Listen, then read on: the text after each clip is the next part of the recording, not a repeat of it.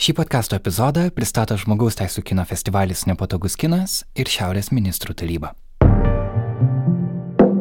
Jeigu tu nesugebi varto tam tikrų prekių arba paslaugų, jeigu tu jų neįperti, tu pats esi kaltas, ar ne, tu esi nevykėlis.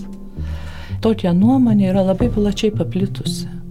Nematomos struktūrinės skurdo priežastys. Traktuojama individualiai. Tu nevykėlis, nes yra tas mitas, kad kiekvienas gali tapti Amerikos prezidentų, jeigu grįžtų. Pajamų neligybė Lietuvoje yra viena didžiausia Europoje. Paėmus visas pajamas, kurias uždirba 20 procentų turtingiausių Lietuvos žmonių ir visas pajamas, kurias uždirba 20 procentų neturtingiausių Lietuvos gyventojų, jos skirtusi septynis kartus. Ar tai yra daug? Tai skamba kaip daug. ES vidurkis yra penki kartai. Kas irgi yra daug. Mes nekuriam bendruomeniškumo, mes nekuriam solidarumo, mes nejaučiam empatijos tiem žmonėm, kuriem reikia padėti. Šiandien epizode mes klausime, kodėl taip yra ir apskritai, ar įmanoma visuomenė be skurdo. Ar tokia gali būti Lietuvos visuomenė? Su jumis Karolis Višniauskas ir Martina Šulskutė. Nailo podcastą kuria žurnalistų kolektyvas Nanuk. Prie mūsų prisijungė sociologė Jekaterina Navickė, prisijungė antropologė Aušra Simoniukštytė. Ir taip pat Artūras Morozovas, mūsų kolega ir vienas nanukai kuriejų, jis toliau dirba prie savo knygos apie socialinę atskirtį. Tad šis pokalbis yra diskusija tarp jų ir kartu mes ją moderavome, klausdami tuos klausimus, kurie tikimės ir jums bus įdomus. Tad keliamės į Martino Mažvido studiją Vilniuje. Gerų klausimų.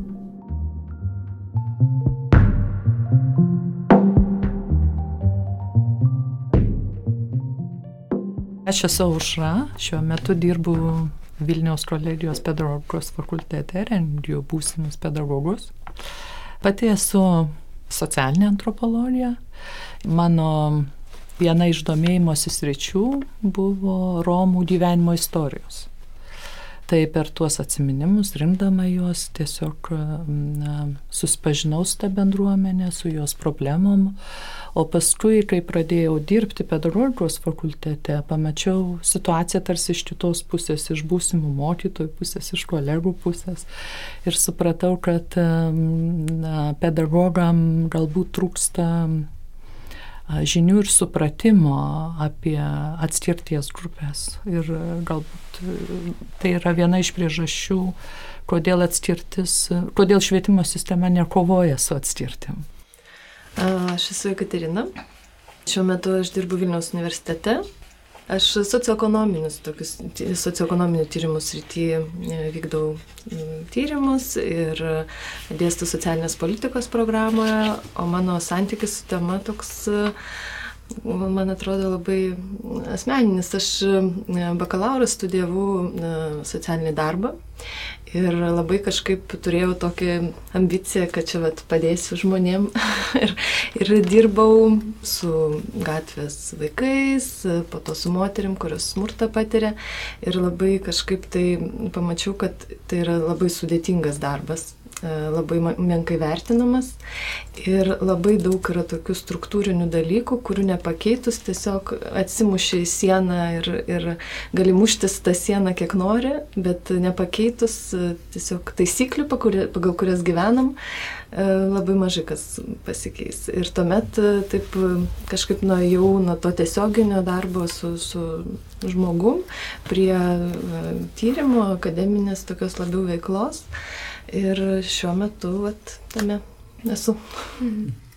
Tai aš esu Artūras, esu fotografas, fotožurnalistas ir kuo esu susijęs su šitą temą, kad jau daugiau negu metus laiko darau projektą dokumentinį, kuris bus knygos formatu, tai yra domiuosi žmonėm, kurie yra socialinės rizikos, e, yra už socialinės rizikos ribų, tai yra skurdžiai arba sudėtingai labai gyvenantis ir, ir, ir bandau gal juos suprasti tą kasdieną, pamatyti jų būtį, stebėti tokius kasdieninius ritualus ir, ir, ir jų jausenas tokias ir kaip jie, kokį santykį turi su šia valstybė, su kitomis visuomenės grupėmis.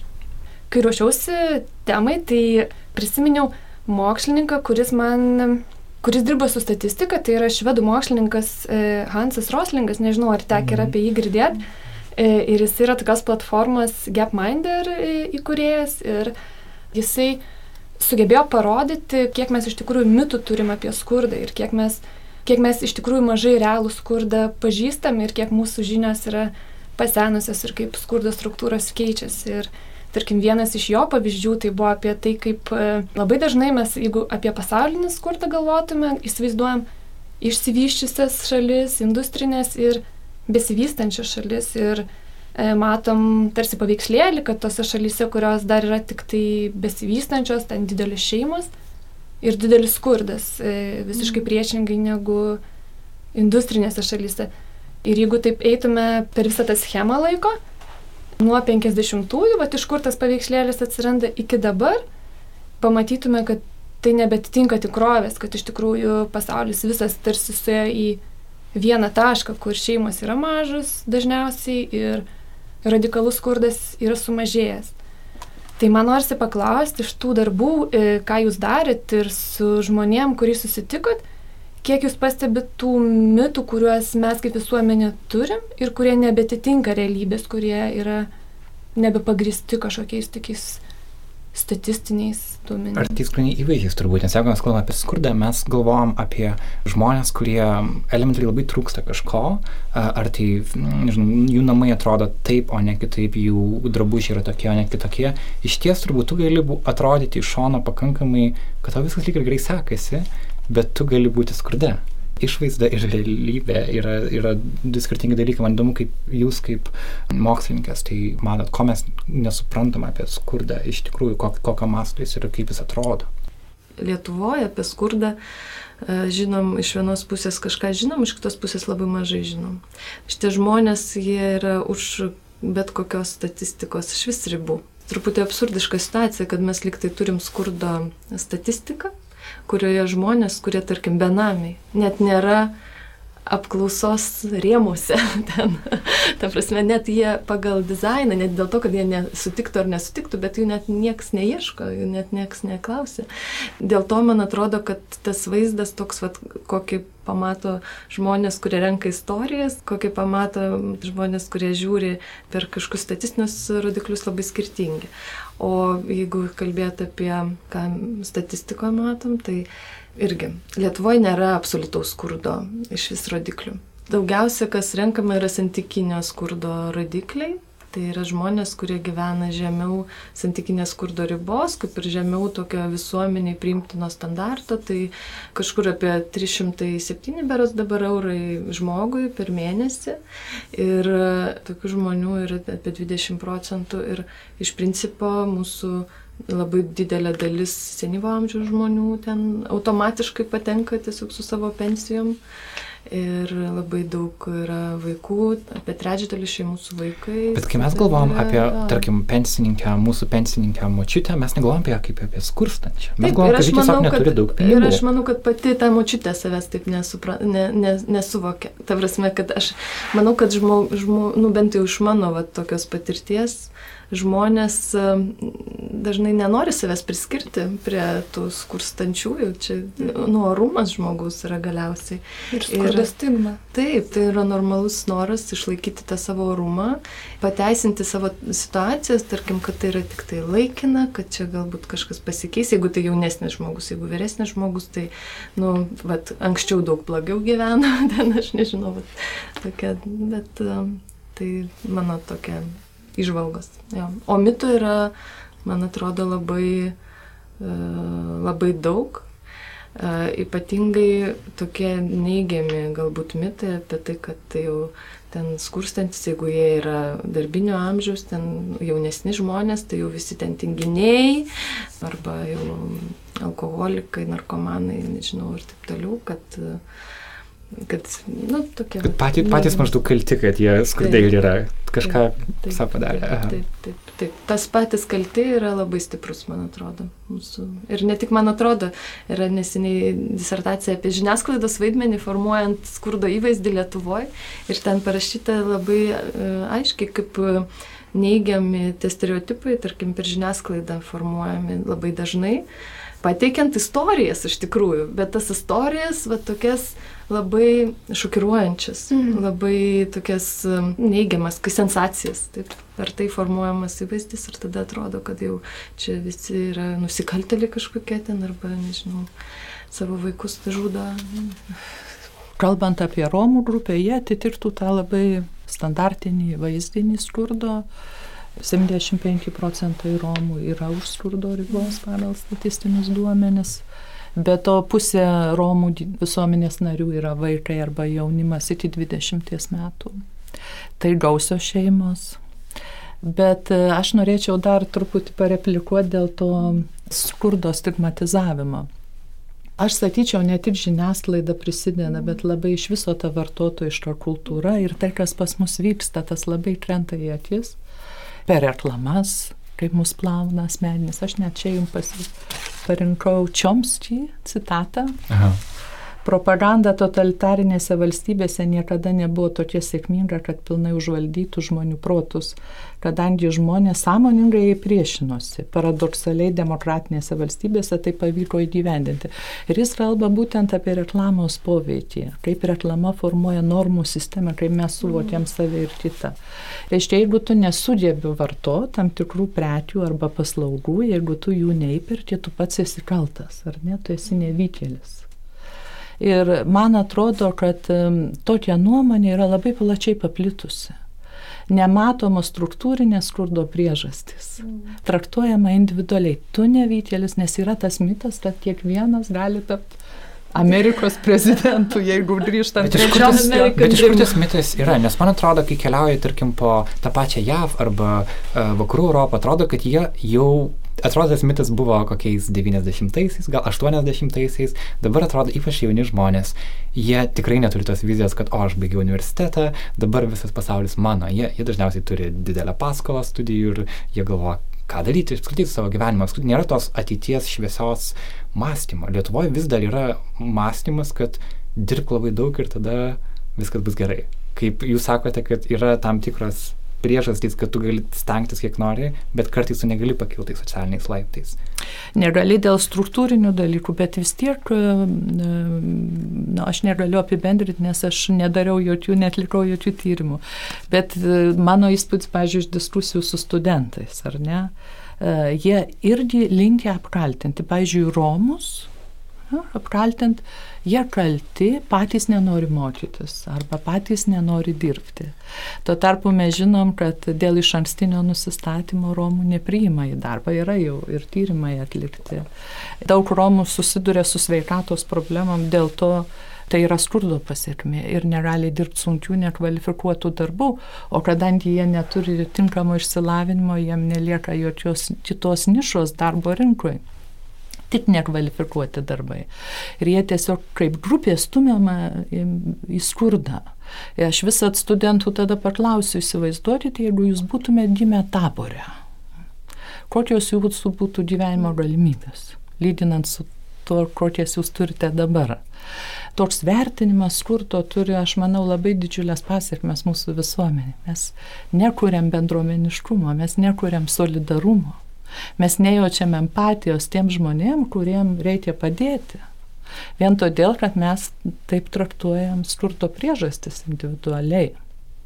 Nematom struktūrinių priežasčių ir ne, neprisimam įsipareigojimų savo, ką reikia daryti, kad pakeisti situaciją. Mm.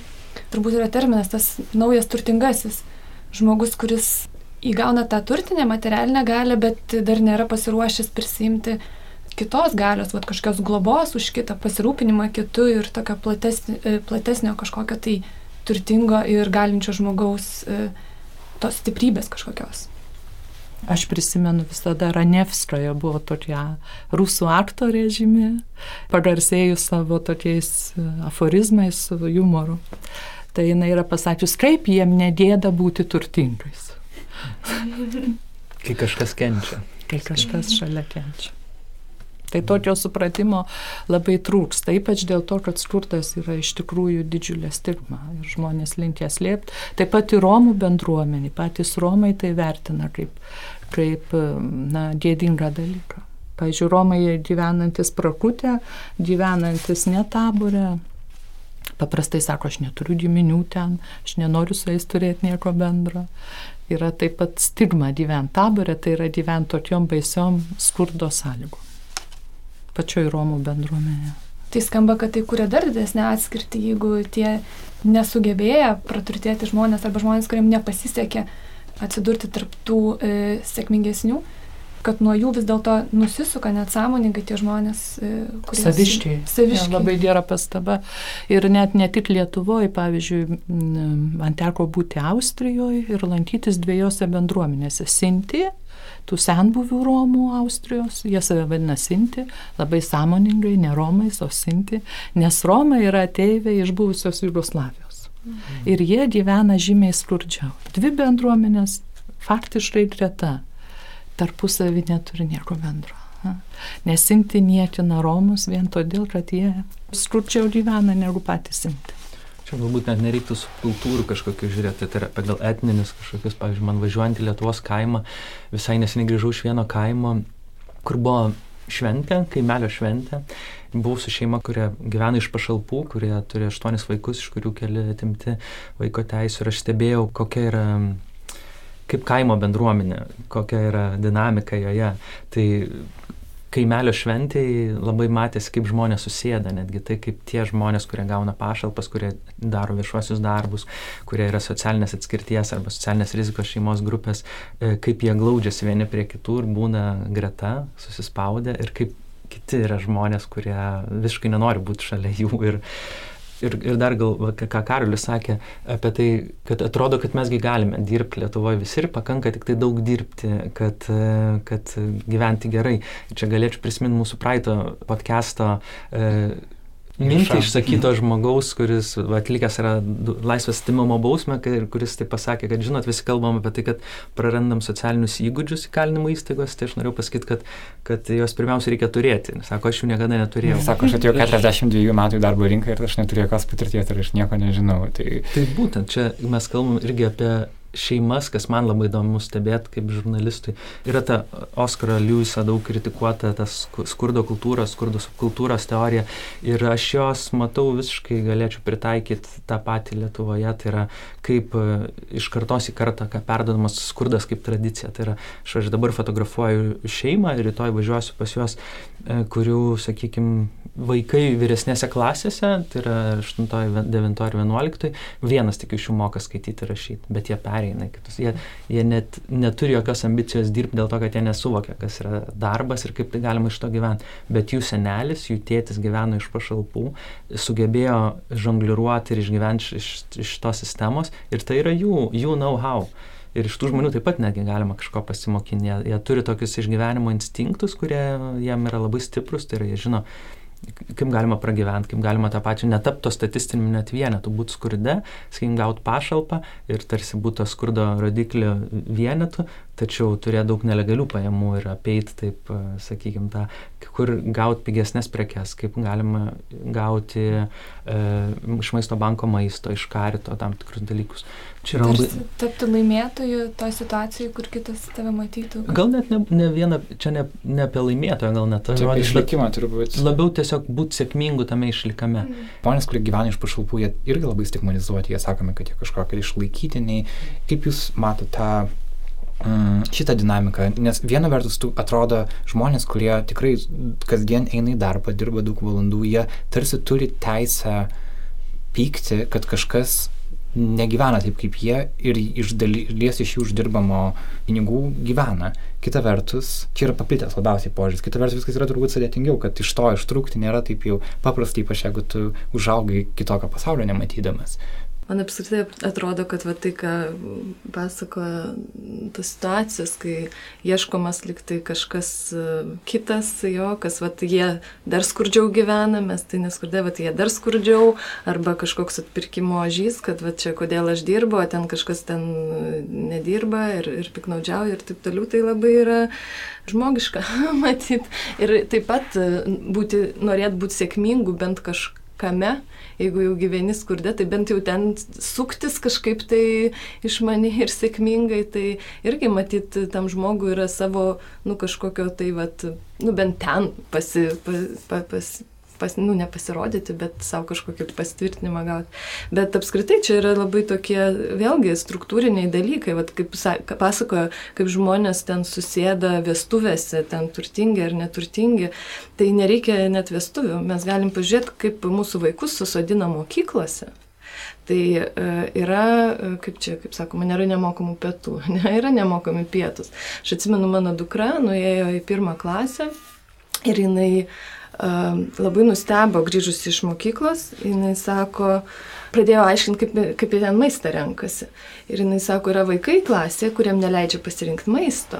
Nes tie vaikai, ir jau tada visa klasė žino, kad va tie vaikai, kuriems neleidžia pasirinkti maisto, jie gauna maistą ten nemokamai, nes jų ten teveliai neturtingi, jie tada negali ne tik tai, man tai atrodė labai nu, absurdas, kodėl vaikas, kuris gauna net ir nemokamą maistą, negali kartu su visais vaikais, ten yra ritualas, visi ateina, pasižymi, ką jie nori valgyti, tie vaikai negali pasirinkti. O tie, kurie gauna nemokamą maitinimą, jie, jie, negali... jie valgo tai, kas lieka? Ne, tie valgo tai, kas yra paskirta, ta prasme, yra okay. racionas, mm. savaitė paskirta, tai tie, kas moka, gali pasirinkti, tie, kas nemoka, negali pasirinkti.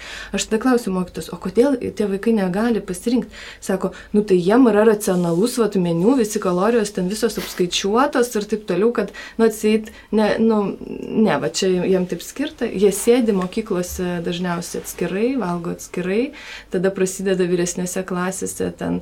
Ir va taip nuo mažų mažų dienų, tarkim, aš mes gyvenam Anglijoje kažkiek laiko, tai ten, va, tu, tarkim, nuo pat mokyklos, kaip vaikus ten susadina, kaip jie bendrauja, nes jie po to taip bendrauja, kaip jie per pertrauką sėdi, kada dar bendrauti, kai jie va, valgo, tai susidraugauja.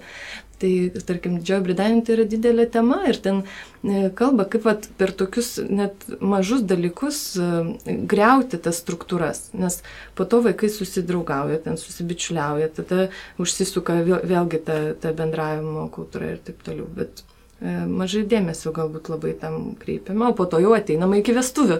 Jau kažkiek laiko tai nėra ko stebėtis, kad jau tose vestuvėse visi susisodina, susėda taip, kaip ten priklauso, kabutėse.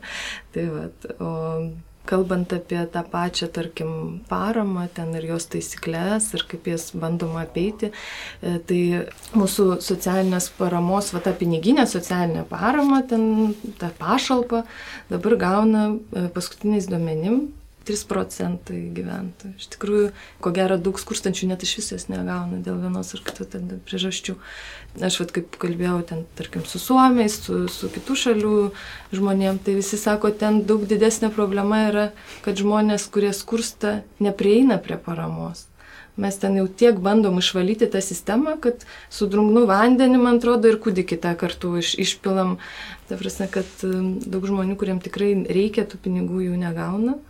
O kad piknaudžiaujam, tai pažiūrėkite mūsų mokestinę sistemą. Mes visi piknaudžiaujam. Jūs sakot, kad kaip turėtų būti tie turtingieji, turėtų prisimti atsakomybę ir vėlgi, liktai čia ne mes, čia jie ten kažkokie turtingi, jie neprisima, bet mes galim kiekvienas apie save kalbėti. Ar visus mokesčius susimokam ir taip toliau. Nu, tai yra, tarkim, nežinau, mokestinės ten mūsų mokestinė moralė vadinama. E, tai yra labai žema iš tikrųjų. Ir ne, nenostabu, kaip galima tikėtis, kad visa visuomenė, va, jinai tokia, o va, tie skurstantieji jau turėtų būti labai jau sąžininkai. Mes turbūt linkę manyti, kad jeigu žmogus gyvena skurdžiai, jis tarsi moraliai yra e, kažkoks kitoks, e, tu tarsi nori jį už, užjausti, nežinau, kas irgi yra bloga reakcija, bet mm. turbūt kas yra svarbu supras, kad visur žmonės yra panašus. Ir, um, Aš dar tada, vat, e, ką Katrina palėtėt, kad e, apie tą valstybės e, kišimąsi į socialinę politiką, tai kiek pasižiūrėjau statistinius skaičius vakar, tai vat, man krito tas e, į akį, kad ten yra tas matuojamas skurdo rizikos lygis ir yra duodami du skaičiai prieš perskirstimą pinigų ir po perskirstimo. Tai čia būtent tie perskirstyti valstybės pinigai, socialinės išmokos, sveikatos e, lygos išmokos, e, galbūt net pensijos, kai kur gali būti priskiriamos. Ir jeigu žiūrėsim va, tą e, skurdo lygį prieš valstybės įsikišimą, tai tarkim, Lietuvoje ir Švedijoje jis yra gan panašus, net Švedijoje yra didesnis 29,9 procento, Lietuvoje 27,9 procento. Bet jau po valstybės perskirstimą Švedijoje lieka tik tai 16,2 e, procentai žmonių, kurie yra arti skurdo ribos, Lietuvoje 21,9. Tai reiškia, bent jau, tai šitas skaičius taip atrodo, kad Lietuvoje valstybė neprisijama tos galios žmonių galimybės gyventi visuomenėje padaryti panašias, tarsi paliekama tai daugiau savygai. Aš pritarčiau, kad yra tikrai labai žema ta mokesčių moralės kultūra, ar kaip čia tą pavadinti. Žmonės tarsi nelabai supranta, kad e, negali atsiriboti nuo skurdo, kur sukelia tiek daug socialinių problemų, aukšta siena iki stratosferos, teisingai. Vis tiek tos problemos, tų žmonių problemos palies tave, net jeigu tu gyveni priklausai vadinamajam viduriniam sluoksniui, jeigu toks egzistuoja Lietuva. Dar čia klausimas turbūt, bet um, vis tiek tave palies arba per kriminalinius aktus ar kaip nors kitaip. Bet tu nukentėsi. Nukentėsi todėl, kad jeigu e, visuomenė egzistuoja didžiulė atskirtis, reiškia atitinkamai mažiau yra visuomenė socialinio teisingumo ir demokratijos. Tai mes visi nuo to kenčiam. Tai ne, tas sažiningumas ir racionalus paskirstimas sažiningas, tai tikrai rūpi Jeigu būtų toks paskirstimas, tai gal jis būtų efektingesnis. Bet dabar mes turim iš vienos pusės tikrai vendimą mokesčių ir pavyzdžiui, kai yra pasirinkimas taisyti mašiną firmai, kuri moka mokesčius, ar taisyti mašiną pigiau garaže, kur niekas mokesčių nemoka, tai e, mes kiekvienas darom tokius pasirinkimus. Primenu, kad jūs klausote Nailo podcast'o. Šiandien kalbame apie skurdą ir socialinę atskirtį. Norime padėkoti mūsų rėmėjams. Tai yra naujienlaiškių kūrimo platforma MailerLite ir Benedikto Gylio paramos fondas. Ačiū jiems, kad palaiko Nanuk žurnalistikos idėją. Grįžtame į studiją. Vienas iš e, tokių mitų, ką turėjau labai apie skurdą, tai yra apie tą tokį prasigėrusi kaimą. Pavyzdžiui, kaime žmogų sutinku kaip tik gyvenantį bendruomenį ir jam ten gyventi paprasčiau. Daug paprasčiau negu mieste, devinaukštį kažkokiam būte, nes ten jisai gyvena bendruomenį, jis gal eina laus nusipirkti, bet jisai nusipirkti vieną parduotuvėlę. Aš matau, kaip žmonės kaimo padeda ten, nežinau, tai nu dažnai pa žmogų yra tam kaimynė atnešus blyno, ar tam kaimynas kažko, ar kažko, tai, tai skimtai iš gyvenimo dalykai ir ta suma, kurią tu gauni ir pagalba iš kitų organizacijų, kaip Caritas, kaip Maisto bankas, manau, dar yra ir daugiau. E, Sakykime, matau daug žmonių, kurie tarsi turi tą tokį pragyvenimo lygį. Ir labai tada viskas priklauso nuo to, koks yra jų gyvenimo kokybė, kokie jų yra tikslai ir yra alkoholis įsi, įsi, įsisupęs į šitą visą, e, kaip yra kokia psichologinė būsena yra. Ir matai žmogų, matai mamą su vienu vaiku vienišą, labai sunkiai besistengiančią ir išgyvenančią iš tų pinigų, sakykime, nors, aišku, gyvenančią nepaprastai skurdžiai, bet, sakykime, jam netrūksta maisto, jie turi galimybę palaikyti socialinius įgūdžius, higieną ir matai žmogų, kuris ten, sakykime, nemoka elementų, geria vyras, kažkoks ir gyvena visiškai skurde, ne, nes neturi net ką valgyti, nes viskas išeina alkoholį kokiam ir nenori dirbti, nenori nieko daryti. Ir tai, tai labai įvairiai labai priklauso, labai priklauso, kaip sakau, nuo pačios aplinkos, kiek aplinka pati padeda. Mm. Nėra viskas, kaip pasakyti, apie vien tą turbūt pinigų atvejį. Ir taip pat turbūt svarbu suprasti, kad skurdas yra arčiau mūsų, negu mums gali atrodyti. Pavyzdžiui, tas pats alkoholizmas, jeigu jis tampa lyga, tau tu labai lengvai gali turbūt atsirasti prie skurdo rizikos ribos. Ir taip pat, jeigu, pavyzdžiui, šeimoje atsiranda uh, kokia nors artimo sunkiai lyga, tarkim, ar tau reikia daug pinigų tam, galų galėtų gali padaryti kažkokią automobilio avariją ar kažką, kur staiga tau atsiranda kažkoks finansinis šokas, atsiranda antstoliai, jeigu tau nepavyks visus tvarkyti ir turbūt kokių metų kitų bėgiai tu irgi visiškai krenti žemyn socialiniais laiptais.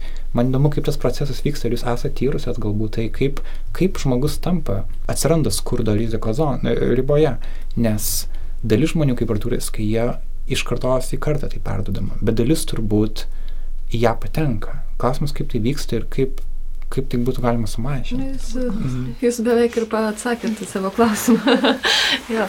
Iš tiek duomenų ten, kiek, kiek turim iš, iš apklausų, tai aš bandžiau daryti tokį tyrimą, kur žiūrėjau, kokie yra trigeriai, ne, skurdą. Tai e, labai teisingai pasakėt, kad e, mūsų socialinės tas apsaugos tinklas yra e, toks skilėtas dažnai, kad e, taip atrodo, kad vat, šiandien aš sėdžiu, viskas gerai, bet tarkim, e, žmonės, kurie turi negalę, tai socialinė apsauga yra tiek menka, kad negalė turinti žmogus iš tikrųjų, nu, matyt, vienetai yra, kurie nu, sugeba kažkaip persitvarkyti savo gyvenimą ten ir, ir, ir susirasti darbus, ir, ir dirbti, ir išlaikyti savo šeimą. Tikrai jų yra, bet ne, ne kiekvienas irgi yra, matyt, galbūt ir ne iš karto, ir vairūs tie keliai, bet nu, vat, sveikatos pablogėjimas, tada šeimos širimas, Tai mūsų vienišos mamos, pirmą pas Lietuvos skirybų lygis labai aukštas, palyginus su kitom ES šalim, kažkaip daug skiriamės. ir, ir, tarkim, vienišoms mamoms dažniausiai nu, visai nėra pas mus socialinės tos pagalbės ar kažkokio tai apsaugos uh, tinklo, kuris padėtų šiek tiek tos, tą, tą situaciją suvaldyti. Ir ypatingai, jeigu dar problema yra su alimentais, tai visai uh, prastai ten yra virš 50 procentų vienišų mamų statistikoje yra priskiriamos su vaikais skurstančiams, nors gali dirbti, bet Aha. tiesiog dėl pa, pajamos yra nepakankamos, kad uh, užtikrinti tą uh, lygį. Ir iš to turbūt atsiranda kita problema, kad kartais tada uh, moterys ir santoka ir nori likti, nes turbūt dėl finansinių priežasčių, nors galbūt patiria smurtą, fizinį ar psichologinį, vien dėl to, kad to skurdą išvengtų. Taip. Tada vieni, vien, tarkim, ne, nu, nedarbas tai irgi, irgi lengva yra pasakyti, galbūt kai gyveni Vilniuje ir ten turi aukštą išsilavinimą, kad ko čia dabar nedarbas, taigi, na, nesusirandi savo darbą. Taip, bet Pas mus, jeigu ypatingai provincija ir viešasis transportas yra prastai išvystytas, kažkur nuvažiuoti iš taško A į tašką B, ten į darbą tolesnį atstumą labai sudėtinga. Galiausiai mes turim nemažai dar vietovių, kur dvi ženkliai nedarbo lygio skaičiai, tai supras, kad yra tų ieškančių irgi nemažai darbo. Tai, e, ir tada yra, tarkim, e, vyresnių žmonių didelė diskriminacija, jeigu prieš pensinio amžiaus netinki darbo, tai ir dar nėra laikas išeiti pensiją, nu, man atrodo, jo labai sudėtinga ir irgi ten statistika labai niuri visą, visą šitą. O tada jau senatvė, tai vėl yra, jau kaip pensininkai, tai dar kai dviese gyvena, dar dar, bet kai lieka vienas, vat, ir dažniausiai irgi moteris, nes moteris kažkaip pragyvena. Jis tai ilgiau, ilgesnis gyvenimo laikas. Jo, jo, jo, jo, ir sukaupia mažesnės pensijas dėl taip, mažesnių atlyginimų. Taip, ir pensijos mažesnės ten ir dėl įvairių priežasčių, taip pat ir dėl vaikų priežiūros, ir ten ir, ir ir dėl kitų priežasčių, kai kurie ten mokslininkai kalba apie tai, kad moteris dažnai padeda savo vyrams siekti karjeros ir taip kažkaip tai, kol gyveni poroj, tas makes sense, bet kai esi, tarkim, gauni pensiją, dar, dar dviesi gyventis pensininkai dar dar išsilaiko, vienišių pensininkų skurdas yra labai aukštas irgi, tai vat, partnerio netikimas vat, irgi yra vienas, viena iš tų.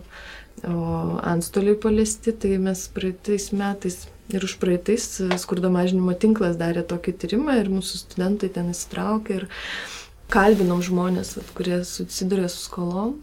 Tai Lietuvoje kas dešimtas susiduria su antstoliais ir turi antstolius. Kas dešimtas žmogus. Kas dešimtas, jo, kas dešimtas žmogus oh. labai labai paplit. Nu, jo, iš tikrųjų, kaip čia, čia iš vis, mano vyru kažkada neseniai buvo ten atėjęs antstolių, ten kažkokia dėl to, kad jis kažką nesumokė, ten laiku kažkokio baudą praleido ir ten, nu, tiesiog, nu, dėl aplaidumo matyti ir tada ten, nu, jo.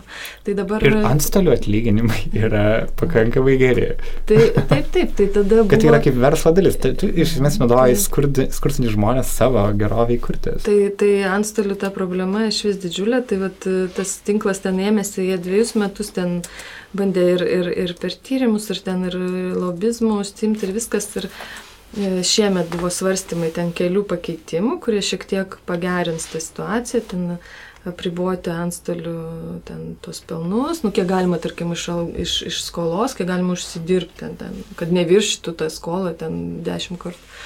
Tai labai sudėtingai eina antstolių rūmų atstovai atėjo ten į Seimą ir svarstymuose visose sakė, taigi jūs dabar čia, kaip čia dabar bus, niekas iš viskolų negražins, bet nu, labai sudėtinga ten pakliuvus iš, išbristi taip pat. Ja. Mm. Galiausiai tos skolos taip ar taip negražini.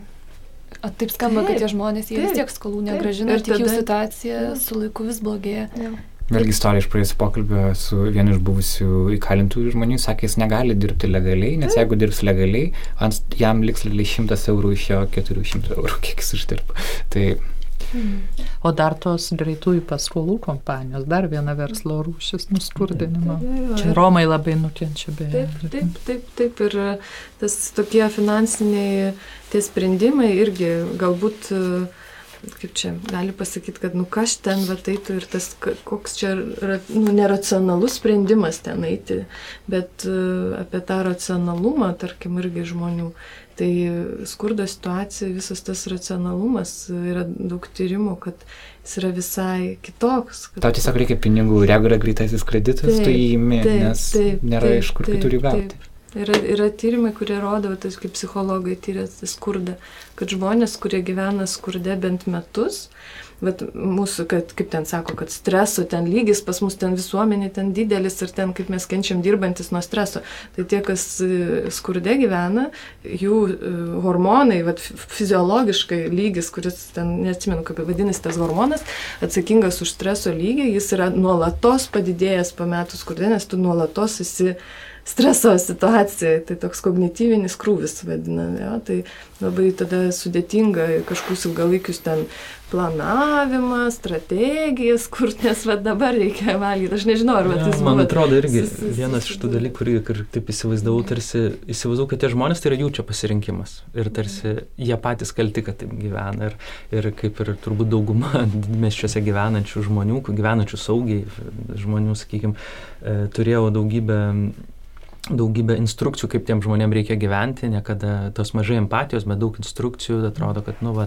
kiek čia visi girdėjom tas istorijas, kaip čia matom, gaunant į pašalpą žmogų ir ten važiuojant su taksi. Taigi atrodo, taigi pasitaupyk tos kelis eurus atsidėk, sumokėsi už tas dujas, čia tą man storytatą.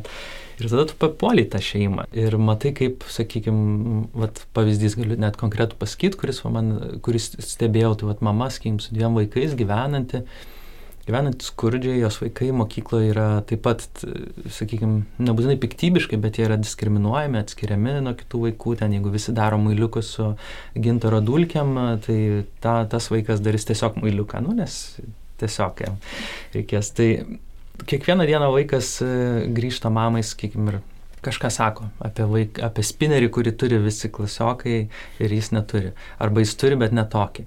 Arba tai, kad vaikai gali nusipirkti Pringles čipsų, jis jų net nėra gavęs ir ten nedavė jam.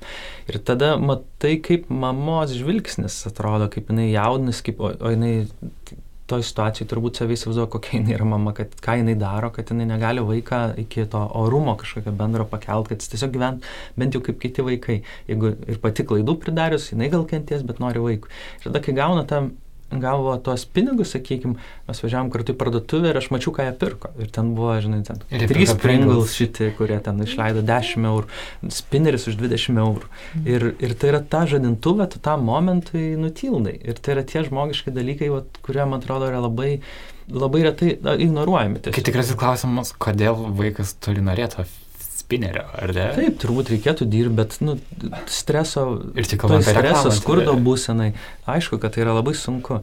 Aš kai tik pradėjau fotografuoti šitą ciklą ir pirma tokia problema buvo, su kuria dar nebuvau susidūręs, bet jau ją iškėliau, kas norės fotografuotis. Ir tada galvoju, nu, bet turbūt tai yra žmonės, kurie gal nelabai adekvačiai suvokė savo situaciją.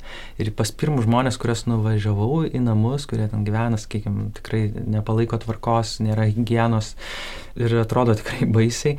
Ir pas juos mačiau, pirmas dalykas, ką pamačiau, tai ant palangės padėta žurnalo žmonės e, krūvelė. Tai yra įėjimą iš bibliotekos, jie puikiai suvokė, kas yra, kaip reikia gyventi, kas yra sėkmės modelis ir kokioje situacijoje esi tu.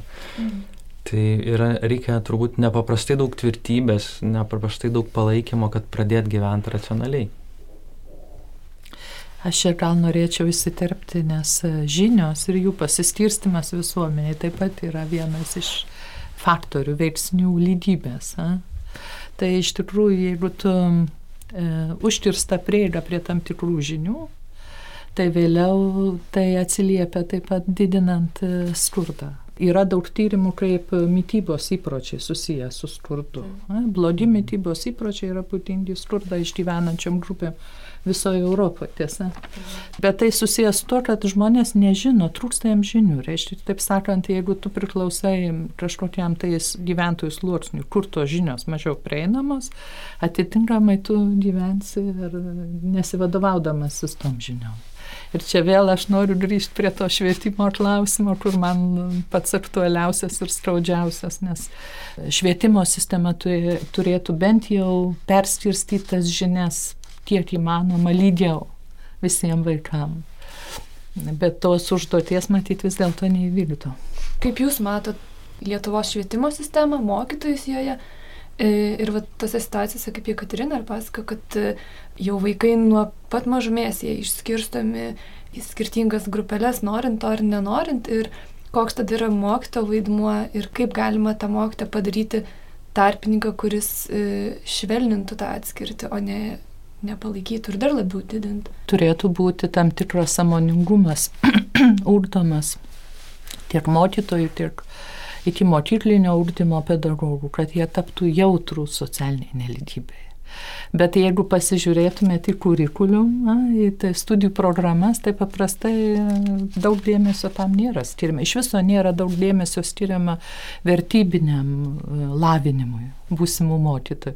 O man atrodo, čia svarbiausia funkcija iš viso mokytojų - tai ugdyti vertybės prieš pastatyti, prieš kažkokias įdingas visuomenės tendencijas, prieš pastatyti kažką tai teigiamo, bet tam reikia samoningumo, vertybinio, labai didelio samoningumo.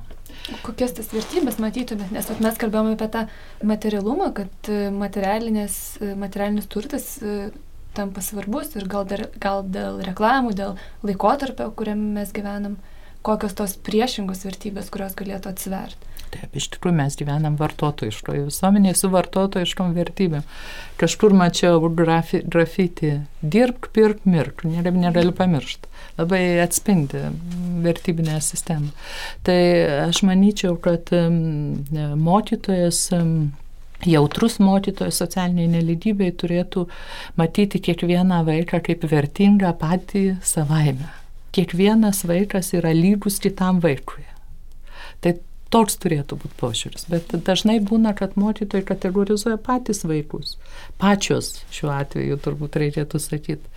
Ir mato daugiau kategorijos atstovą negu vaiką, negu individualybę. Ir čia yra didžiulė bėda štai. Bet čia irgi yra, man atrodo, vat, viena tokia medalio pusė - individuali. Ta prasme, kad mokytojas irgi jis yra individas, jis yra žmogus. Ir nu, ta mokytoja, žinoma, jis turi būti ten ir vertybės ir viskas, bet iš kitos pusės yra struktūra ir mūsų mokyklų vat, visas tinklas ir kaip jis su, sustruktūruotas. Aš ten nesu ten švietimo gal ekspertė, bet e, tiesiog palyginant šalis, na tarkim, pas mus Lietuvoje, ten spiso yra tas pasiekimų apklausos, yra didžiulė atotrukiai pagal mokyklas, ten miesto kaimo mokyklų pagal ekonominį statusą. Taip, ir, e, tarkim, kokioje Suomijoje yra e, visai praktiškai nėra to skirtumo. Kažką daro kitaip. Bet pas juos negalima rinktis mokyklos. Negali būti situacijos, kai vaikai, tėvai, kurie nori, kad jų vaikas mokytųsi, išsirenka geresnę mokyklą, elitinę mokyklą, gal dar sustojimų, korepetitorių pasamdo, dar kažką. Ir tada e, tas pats mokytojas, kuris lieka dirbti toje mokykloje, kur jau suplaukė kas beliko, kaip sakoma, tos prastesnės mokykloje Vilniuje mes žinom puikiai, kur yra mokyklos geros, kur yra mokyklos blogos. Tai tam mokytojui, kuris patenka į tokią mokyklą, aš įsivaizduoju, kaip turėtų būti sudėtinga dirbti, kai pas tave yra, nu, tiesiog tikrai sudėtinga, tai tarkim, bet labai priešinamasi tam, kad nebūtų tų elitinių, tarkim, mokyklų kad tiesiog va, tau prie namų yra mokykla ir e, jinai tau yra priskirta, va, kaip Suomijai. Taip, tu turi ten vesti tą vaiką. Tai iš vienos pusės ir klasės būtų daug mi mišresnės, iš kitos pusės tėvai, kurie turi galios daryti kažkokį poveikį, kad toj mokykloje būtų geresnis išsilavinimas, jie tada rūpinsis tuo, nes žinos, kad tai nėra taip, pas mus su viešom paslaugom daug kurtas. Manęs čia neliečia, ta mokykla mano vaikas vis tiek neįs, aš leisiu ten kažkur tai kažkokią elitinę, tai e, transportas viešasis, aš vis tiek jo nevažinėjau, tai kam man čia už jį mokėti ten ir taip toliau. Tai, tai tokie va irgi struktūriniai dalykai, kur, na, nu, aš įsivaizduoju, kad vienas mokytas, kaip, kaip tu ten jį pati ten jau vertybių ne, ne aš įsivaizduoju, kad daug yra tikrai atsidavusių su pašaukimu dirbančių, bet uh, Ja, aš labai pri, pritarčiau Jekaterina ir labai ačiū šią pastabą. Ties aš būčiau irgi tuo pabaigus. Struktūrinį lygmenį. Nes jeigu e, švietimo ministerija nuolat kalba, kad Lietuvoje gyvendinamas įtraukusis ūkdymas, apimant visas atskirties grupės, reiškia ir etinės mažumas, tuos pačius romukus, tiek neįgalumą ir panašiai, bet tikrovėje mes turime elitinės mokyklas ir neelitinės mokyklas privačias mokyklas, neprivačias mokyklas, tai iš tikrųjų pati sistema jau skaldo vaikus. Kur mokyklas, kur negalius vaikus nepriima. Geresni mokytojai viliojami. Geresni mokytojai tas. Ir pavyzdžiui, vienoje teko dalyvauti diskusijoje su vienos pris, prestižinės vadinamos mokyklos mokytojų ir aš jo paklausiau, ar pas jūs yra mokykla, bet vienas neįgalus vaikas. Sakė, ne, net buvo nustebęs dėl tokio klausimo. Kalba net konkrečiai apie Marcinkonį mokyklą, kurioje dabar yra 40 keli mokiniai ir e, aš ten girdėjau ne vieną labai baisų patyčių atvejį, kada ten vaikas buvo, sakykime, iš skurdžios šeimos, gana vaikas buvo ilgą laiką, e, kiekvieną rytą ateidamas į pamoką nurengiami jo, jo sakykime, purvini drabužiai ir mokytoja uždeda savo vaiko ar ten kažkieno iš kažkur atneštų švarius drabužius ir gale po, prieš klasę viskas akivaizdžiai. Ir gale, ir tai pasakoja, tai pasakoja miesto žmonės. Ir gale pamokos nuimamas šitas drabužį ir tarsi parodoma, koks tu turi būti mokykloje. Tai tam spėkit, kokias ambicijas tas jaunas žmogus, vaikas turi, sakykime, siekti kažko gyvenimo. Kita, ta pati situacija toje mokykloje. Šeima, kurią aš fotografuoju, du, du vaikai jos, tai yra, nenoriu pameluoti, bet, sakykim, 9 ir 9 ir 11 klasė, nemoka nei skaityti, nei rašyti. 11 klasiai. Ir ne tai, kad nenori, bet mes kai ėjom ten, sakykim, varėnų ir aš nusijokiau, žiūrėk, sakau, koks automobilio numeris ir jie nesuprato, koks automobilio numeris, jis nepažįsta skaičių. Kaip jie tuomet pateko iki vienos? Ir aš sakau, tai aš ir uždaviau. Ir tada pasakoja miesto žmonės, sako, kad jo, toks mokykla yra prie išnykimo ribos. Dar, vat, sakykim, dar išeis keli mokiniai, tai bus uždaryta ir sujungta ten su merkinės mokykla.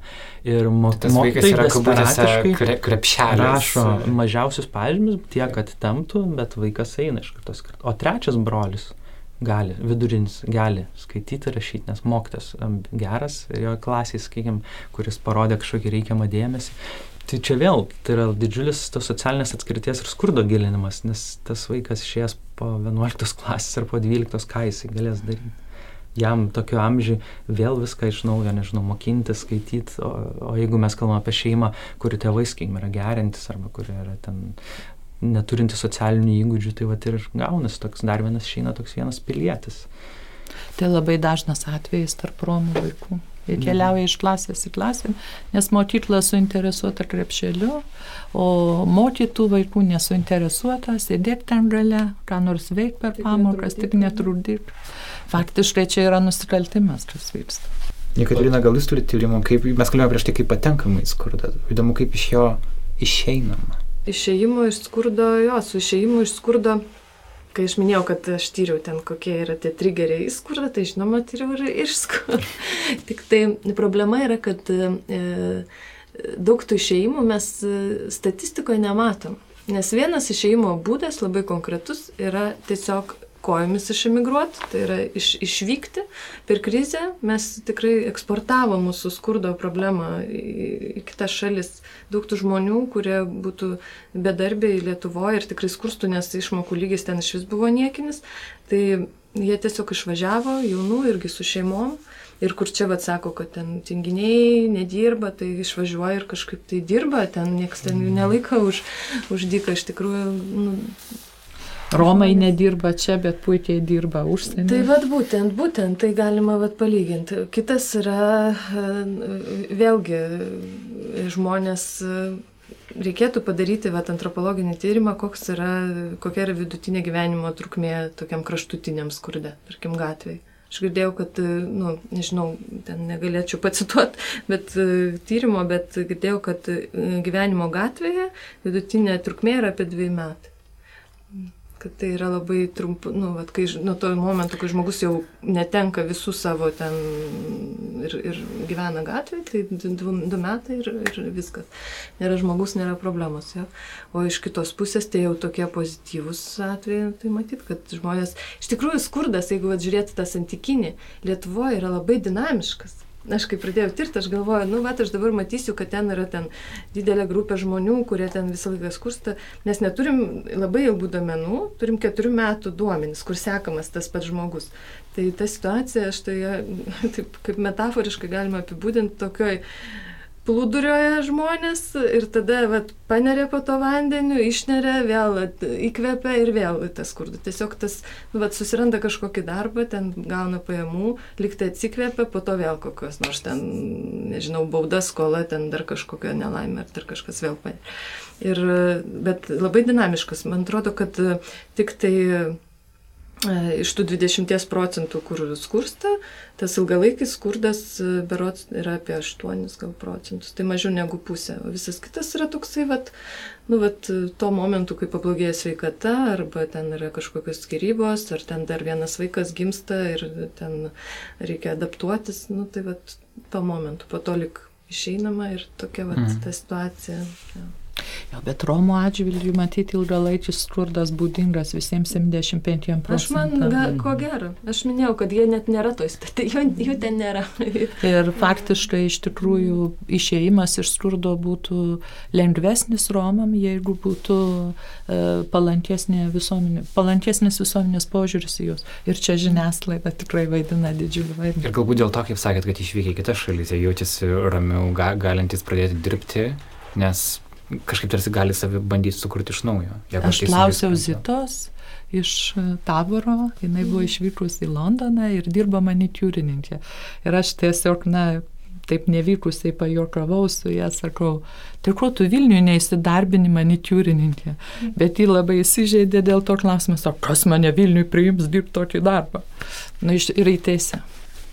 Taip, ir ta žiniasklaidos požiūris, žiniasklaidos ta misija turbūt artinti, stiprinti visuomenės, tarp saitus ir kažkaip šviesti, tai jinai lemia ir tą apskritai norą žmonių palaikyti, būti arčiau tų žmonių, nežinau, padėti, nebijoti, bet kai mes matom tokias žiūrimas laidas kaip ten 24 valandos ar tavo pagalba, ar tą patys farai, čia dievui vienos šių nebeliko, e, tai man ar mes norim, ar, ar žmogus, sakykim, pasiturinčiai gyvenimą, nu, tai žmogus nori fiziškai eiti tą aplinką. Ne, tai yra pasaulis, kur yra labai lengva, analizu, e, labai lengva ignoruoti, nes analizuoti tai yra tokia, kaip sako, kompleksiška situacija, kurią, nu, tai yra, nėra lengva. Bet, Bet kodėl tas laidos žiūrimas klausimas? Gal žmonėm patinka matyti kažką, kam atrodo sekasi blogiau negu jiems?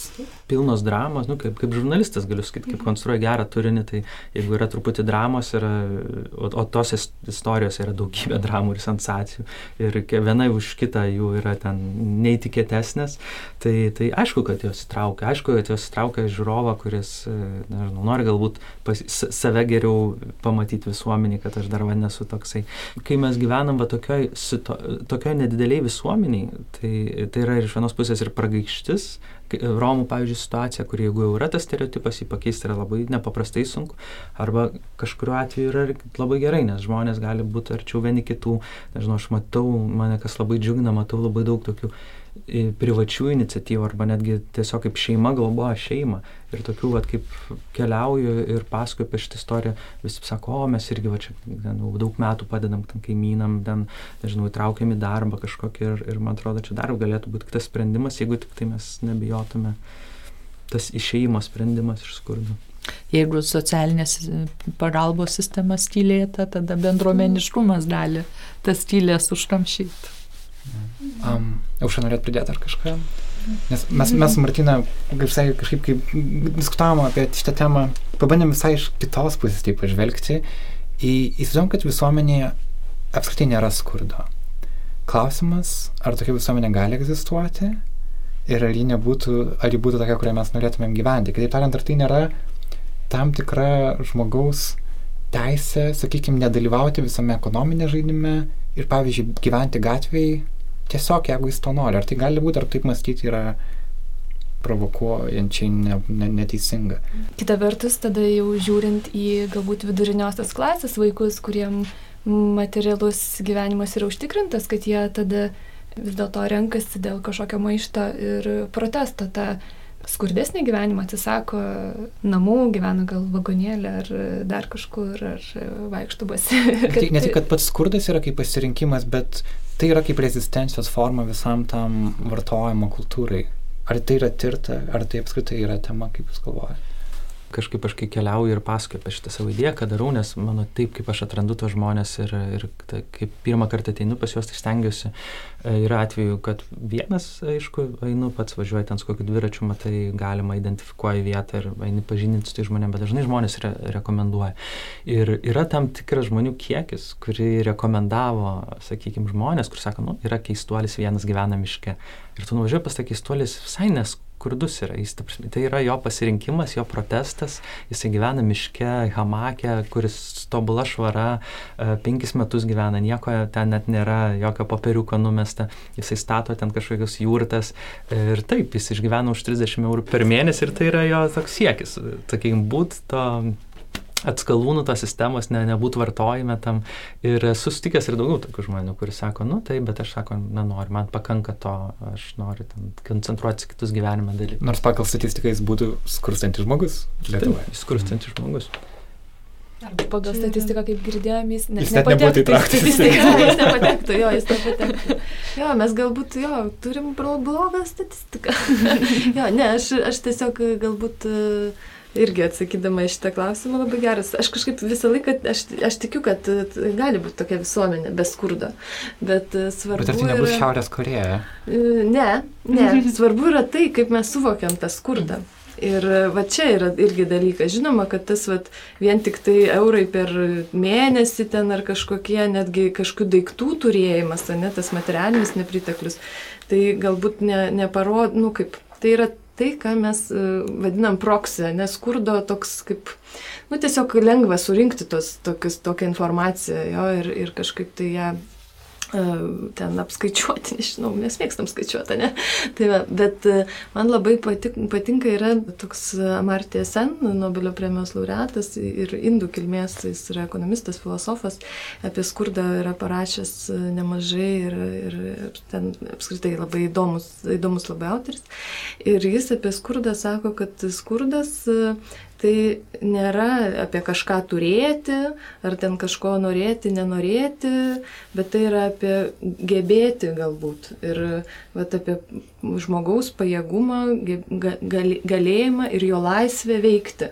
Ir jeigu žmogus turi tą laisvę veikti, jis gali miške sėdėti. Jeigu jis persigalvojęs ir pagalvojęs kitą dieną, ai, nu va, klimato kaita, čia labai šalta, aš norėčiau grįžti, galbūt ir ten kažkaip kitaip. Ir jeigu yra jam tokia galimybė ir tai prasme jis turi gebėjimus, turi ten va, išsilavinimą kažkokį tai, arba nebūtinai net formalų išsilavinimą. Dabar jau kartais ir nereikia, net, bet nu, tiesiog gebėjimus keisti savo gyvenimą, daryti tai, ką tu nori, tai viskas tvarkoja. Bet daug blogiau, kai tiesiog nėra galimybių, žmogus turi ambiciją ten, vat, tas žmonės pasideda ant palangės, tai matyt, kad turi kažkokią tai vat, viziją, jeigu pasideda tos žmonės ant tos palangės, bet tiesiog neturi jokios galimybės, neturi laisvės vat, veikti. Tai tiesiog taip suprantat skurdą, aš manau, kad e, aš labai tikėčiausi, kad kažkada mes ateisim į visuomenę, kur busim laisvi veikti, tai ką, kaip gyventi taip, kaip kiekvienas nori. Aušra Jekaterina. Ačiū, ačiū labai už tai, kad atėjot pas mus ir pasidalinot mintim. Ačiū. Ačiū labai.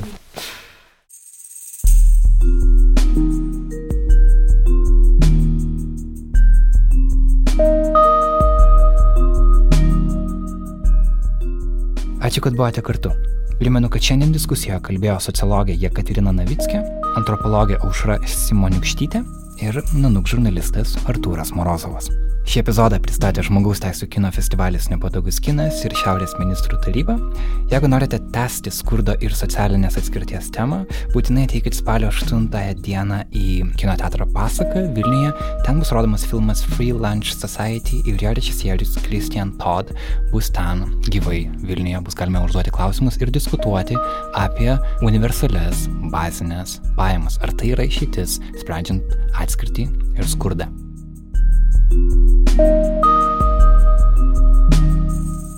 Mūsų garso inžinierė Kata Bitoft, o muzikos autoris Martinas Gailius. Ačiū Martino Maždo bibliotekai už garso įrašų studiją. Ir ačiū nanukų praktikantai Kristinai Emai Kukarevičiūtė. Ji fotografavo diskusijos dalyvius tinklalapį Nile.lt. Galite pamatyti nuotraukas, kaip visą tai atrodė čia pat studijoje. Ir ačiū mūsų Patreon klausytojų bendruomeniai, kurie kiekvienas prisideda, kas kiek gali, kas kiek nori prie to, kad nanuk toliau gyvuotų, kad podcastas toliau gyvuotų ir ačiū jiems labai. Mūsų naujausiai rėmėjai yra Katrina Lingienė, Aurimas Beržinskas ir Greta Varanavičiūtė. Valio. Sveiki atvykę. Mūsų kompanijos adresas dar kartą yra patreon.com/nanuk multimedia. Ir jeigu manote, kad tema, kurią kalbėjome, yra svarbi ir aktuali, pasidalinkit įrašus su tais, kuriems gali būti įdomu. Su jumis buvo Karolis Višnauskas ir Martina Šulskutė. Susitikime kitą antradienį. Iki greito.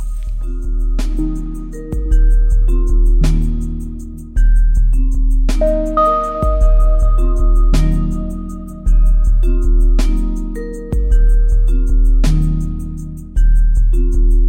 you.